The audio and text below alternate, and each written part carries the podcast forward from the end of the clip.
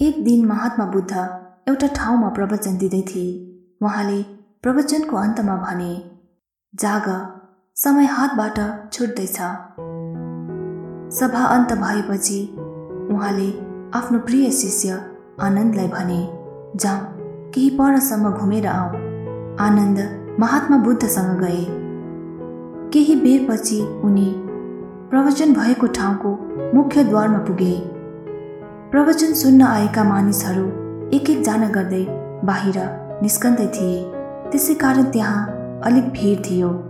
अचानक त्यो भिडबाट निस्केर एकजना स्त्री महात्मा बुद्धलाई भेट्न आइन् र भनिन् महात्मा म एउटी नृतकी हुँ र आज नगरको एउटा महलमा मेरो नृत्यको कार्यक्रम पहिले नै तय भएको थियो तर मैले त्यो बारे भुलिसकेको थिएँ।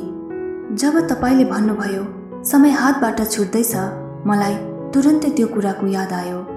त्यसपछि एकजना चोर महात्मा बुद्धको नजिक आए र भने महात्मा म तपाईँसँग केही कुरा लुकाउँदिनँ। मैले भुलिसकेको थिएँ कि आज म एक ठाउँ चोरी गर्नु जानुपर्ने थियो। तर आज तपाईँको उपदेश सुनेर मेरो योजनाको याद आयो। तपाईँलाई धेरै धेरै धन्यवाद। त्यस चोर गएपछि एकजना वृद्ध मानिस बिस्तारै हिँड्दै महात्मा बुद्धको नजिक आए र भने म जीवनभरि दुनियाँभरको कुरापछि भागिरहे। अब मृत्युलाई प्राप्त गर्ने दिन नजिक आउँदैछ र मलाई लाग्छ मेरो सारा जीवन व्यर्थै गयो। तपाईँको उपदेशले आज मेरो आँखा खुल्यो।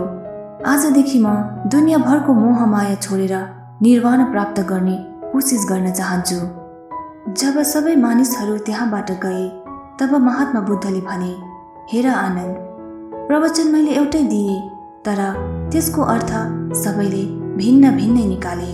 जसको जत्रो झोला छ उसले उति नै दान समेट्न सक्छ। निर्वाण प्राप्त गर्नको निम्ति मनको झोला पनि निर्वाणको लायक हुनुपर्छ।